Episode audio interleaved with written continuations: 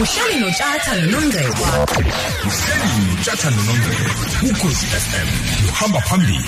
Alright because FM luhamba phambili. Uhlelo isidlo sasekuseni umsakazo omkhulu ukhozi olmaphiko phiko khona ke la unhlanhla mfoka mtaka ongoti kwezepolitiki. Esikhuluma naye ngalesikhathi sibheka nje ke udaba oluthinta ke ubuholi ke ebusha beIFP kanjalo ke nokuphuma ke esikhundleni eh nokubeka phansi intambo njengomholi weIFP udokotela ke uMangosuthu Buthelezi uSheng. Sikubingelele sikwamukela ukhozi FM mfoka nomajalmani abendlovu enamandla enhla nasezantsi siyabingelela Umntwana kwaphinda ngene eh ngenkathi ethula inkulumo yakhe yokugcina njengomholi weqembu leIFP eh kuningi akubalile mfoka mtaka eh nalakho alande umlando eh omude exoxa ngezinto ke ezihlukahlukene eh eziholela ekuthenini kube khona iqembu leIFP njalo njalo. Eh mhlambe uthemba ngabe uyibheka wabona ukuthi kuphi mhlamba abantu abangacosha nabangakufunda kuyona?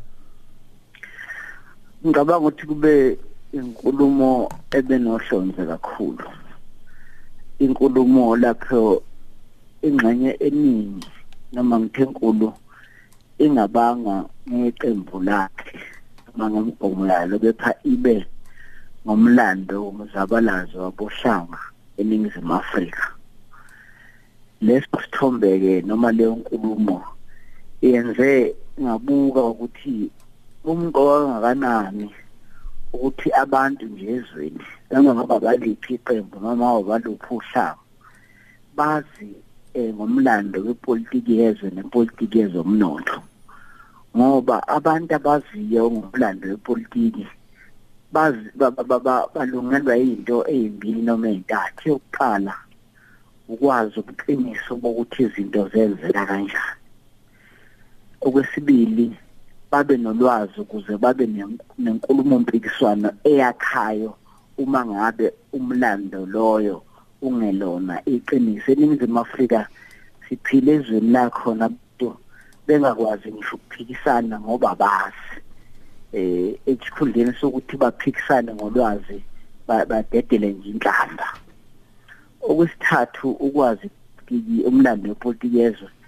Kwenze ukwazi ukugwema amaphutha enzeka nokwazi ukwenza izinto engesinwe into yakho iphungeke. Uyabona amabhunu sihlale sikhala ngawo nje? Abelungu bonke ngisho njalo abadishi nje bonke. Sihlale sikhala ngabo nje kodwa kukhona okuhle abakwenza bekwenzela bona. Uma sasicindezelwe yingisi sashintsheka sacindezelwa ibhunu bonke labantu babazi lento upolitiki yezwe babazi ukuthi balaba babe babambe kanjani. Nathi asiqhubeke sibabambe kanje asenze kanje. Abantu abazi umlando wezwe nepolitiki yalo lapho eningizimu Afrika ngeshwa. Siphila isikhathini sabaholi abangazi ngisho into eyenzeke ngenyanga edlule.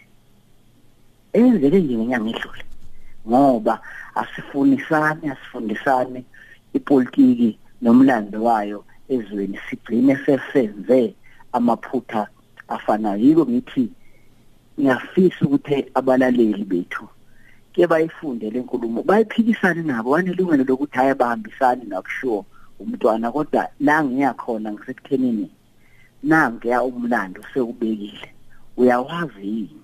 Uzoze uphikise nje uthi awukho nje uyawazi yini? Nileli isikhathi sokwakha? Ayikho nje uma ngiqeda nje lapha ikhona lapha ku Facebook yethu ukuthi ake ufunde. Shiya nje ukuthi akaloni awumlandeli njengosopolitiki awumthandi noma uyamthanda ake ufunde umlando bese ufunda neminye. Khona uzokwazi ukuba isakhamuzi esivikela lokho esikwaziyo ngoba siphile esikhathini sabantu abavikela into abangayazi.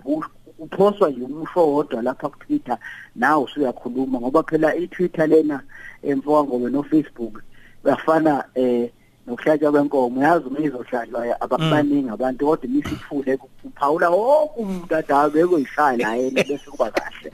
Kanjalo ke nepolitiki yaseningizimu Afrika kunabantu nje abaphila ngayo ku Facebook na ku Twitter akayazi uqhamuke sephawule sethuka nje ngoba inkomo isiphansi. Angazi ukuthi mhla emile yayimi kuma kuni yebo ngithi le nkulumo konke engikubonile ngibone ubumqoka bokuthi yenza njengabantu baseningizimu Afrika kakhulukazi abacendezelwa ke sinike ithuba lokufunda ngomlando wepolitiki yezwe lethu khona siyophikisana ngokwazi khona siyofundisana amaqiniso esiwaziyo.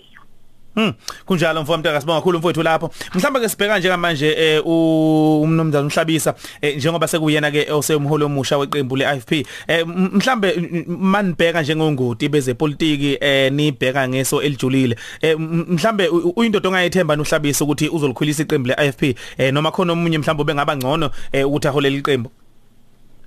Ngicabanga ukuthi konke kusezandleni noma bekusemqondweni noma kusemandleni amalungu ibona abamazi kangcono uhlabisa abasebenze naye. Kepha uma sibuka nepolitiki sibuka sikude ngicabanga ukuthi kukhona abangakwenza ngoba vese ikhathi esikuzona zifisa eh, abaholi eh, abasethe ukuba bancane abaholi abangakwazi ukuthi babuke inguquko zabavoti. Ngiyagcizelela lokho.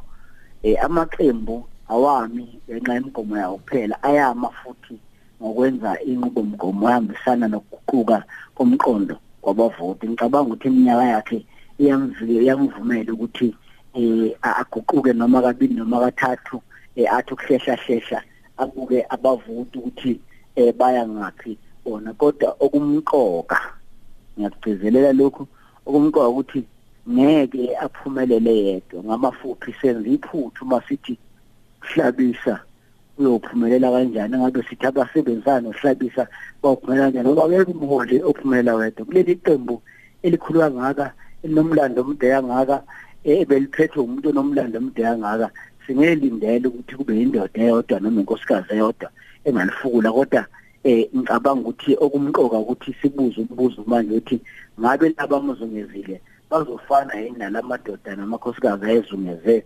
ubuthelezi ngesikhathi eqala iqembu. Iloyo umbuzo uma sike saphendula loyo noma bona baphendula loyo laba baxoke naye ukuthi sizoba yini osobaba Alfios Sisulu? Lapho ababe phethe inkatha siyoba yini ongobe laba khona mhla eqala inkatha bayokwazi ukuthi babe nempendulo engcono kodwa ngicabanga ukuthi banethuba elikahle lokuthi bakhele kulomlando lo okhona. Enye into evele kuleya nkulumo yomntwana ubanike amaphuzu abangayigqatsha ngawo abangakwazi ukuthi bahlukile ngawo kwamanye amaqembu. Iqiniso lithi lawo maphuzu amqoka abenga abaningi abawazi mhlawumbe uhlabisa ngakhela kuona ngoba izinto lezi athe umntwana futhi ngiyavumelana naye athe lezi zinto ezenza eh behluke. Yikho ke ngithi umbuzo ukuthi bazokwazi ukwenza lokho.